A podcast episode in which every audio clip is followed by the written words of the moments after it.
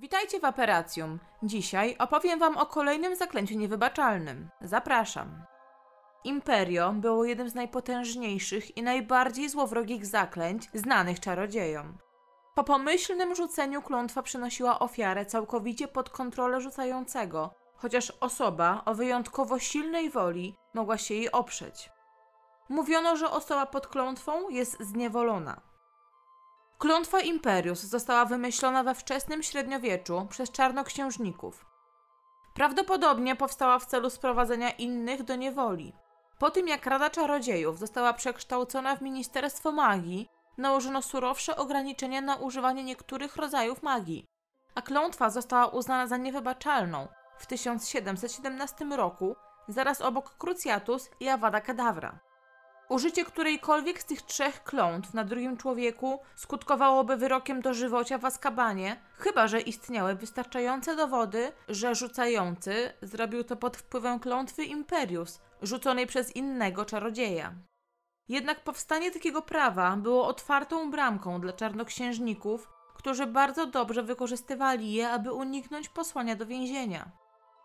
Podczas pierwszej wojny czarodziejów, kiedy Bartemiusz Crouch senior kierował Departamentem Przestrzegania Prawa Czarodziejów, walcząc z przemocą, zalegalizował zaklęcia niewybaczalne dla aurorów przeciwko śmierciożercom, aby wygrać wojnę.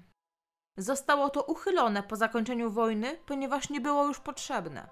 W tym czasie wielu śmierciożerców, takich jak Lucius Malfoy, Corban Yaxley, Walden McNair, Avery, Crab, Not i Goyle twierdziło, że służyli pod panowaniem Lorda Voldemorta tylko z powodu klątwy Imperius. Podczas gdy ich roszczenia zostały zaakceptowane, ministerstwo przydzieliło personel do próby ustalenia, kto naprawdę był pod klątwą, a kto kłamał, aby uniknąć kary. Jednak sprawdzenie tego nie było proste, a Malfoy, McNair i kilku innych wciąż wymykało się sprawiedliwości pod przykrywką tego kłamstwa.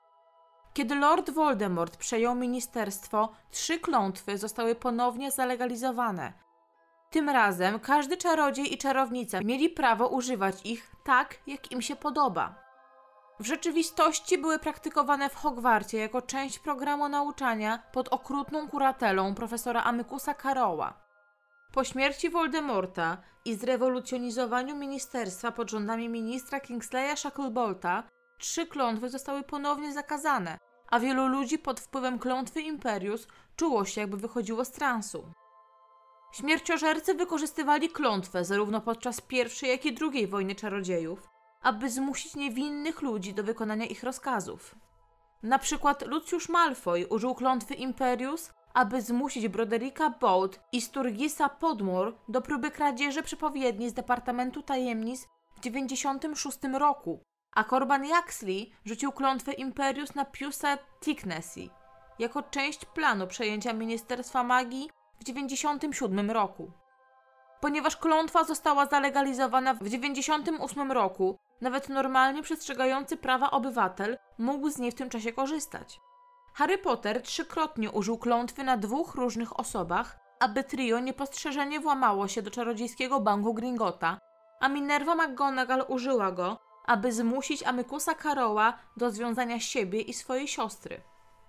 W przeciwieństwie do pozostałych dwóch zaklęć niewybaczalnych, bycie poddanym klątwie Imperius, kiedy było odpowiednio rzucone, nie było nieprzyjemnym doświadczeniem, wręcz przeciwnie. Ofiara klątwy Imperius zostawała umieszczona w spokojnym, podobnym do transu stanie, w którym wszelkie poczucie odpowiedzialności i niepokoju zostawało wygnane. Było podobne do hipnozy. Osoba, na którą zostało rzucone odpowiednio zaklęcie, zaczynała być pod całkowitą kontrolą osoby rzucającej i robiła wszystko, czego sobie zażyczyła, w tym różne przestępstwa, takie jak korupcja polityczna, morderstwo, a nawet samobójstwo. Ponadto, podczas gdy cel znajdował się pod kontrolą rzucającego, klątwa obdarzała ofiarę wszelkimi umiejętnościami wymaganymi do wykonania zadania, takimi jak zwiększona siła fizyczna, poszerzona wiedza czy umożliwianie rzucania zaklęć znacznie trudniejszych niż pozwalała na to umiejętność czarodzieja. Na przykład podczas bycia pod panowaniem Imperio, Neville Longbottom był w stanie wykonać serię dość zdumiewającej gimnastyki, do której normalnie nie byłby zdolny. Ktoś, kto był pod władzą klątwy, mógł nałożyć ją na kogoś innego. Na przykład pani Rozmerta, która była pod wpływem Drakona Malfoya w roku szkolnym 96-97, była w stanie rzucić na Katie Bell klątwę Imperius, aby ta dostarczyła przeklęty naszyjnik Albusowi Dumbledorowi. Możliwe jest również, że Corban Yaxley zmusił Piusa do nałożenia klątwy na innych wysokich rangą członków Ministerstwa Magii, aby ułatwić obalenie Rufusa Scrimgura. Kiedy prawidłowo rzucona klątwa Imperius została zakończona, ofiary ponownie stawały się sobą, jak to się stało po ostatecznej klęsce Voldemorta i śmierciożerców w bitwie o Hogwart, kiedy wszyscy ludzie w całym kraju zostali zwolnieni z zaklęcia. Ponadto klątwa czasowo likwidowała ból, który odczuwała ofiara w czasie jej trwania, a powracał on po zakończeniu jej działania. Jeśli klątwa Imperius byłaby źle rzucona, ofiara byłaby zdezorientowana, czego przykładem jest mugolski minister niższego szczebla Herbert Churley. Wydawało się, że szkoły były dosyć długotrwałe, ponieważ Chorley został wysłany do szpitala świętego Munga. Było to prawdopodobnie spowodowane faktem, że potężna, mroczna magia może pozostawić nieodwracalne uszkodzenia biologiczne, takie jak wtedy, gdy George Weasley został na stale przeklęty. Oparcie się klątwie Imperius było możliwe, ale wymagało wielkiej siły woli i charakteru. Fakt, że można było się jej oprzeć, czynił ją wyjątkową wśród zaklęć niewybaczalnych, ponieważ była to jedyna klątwa, która miała bezpośredni sposób obrony. Harry Potter, Barty Crouch senior i junior nauczyli się jej opierać po poddaniu się jej skutkom.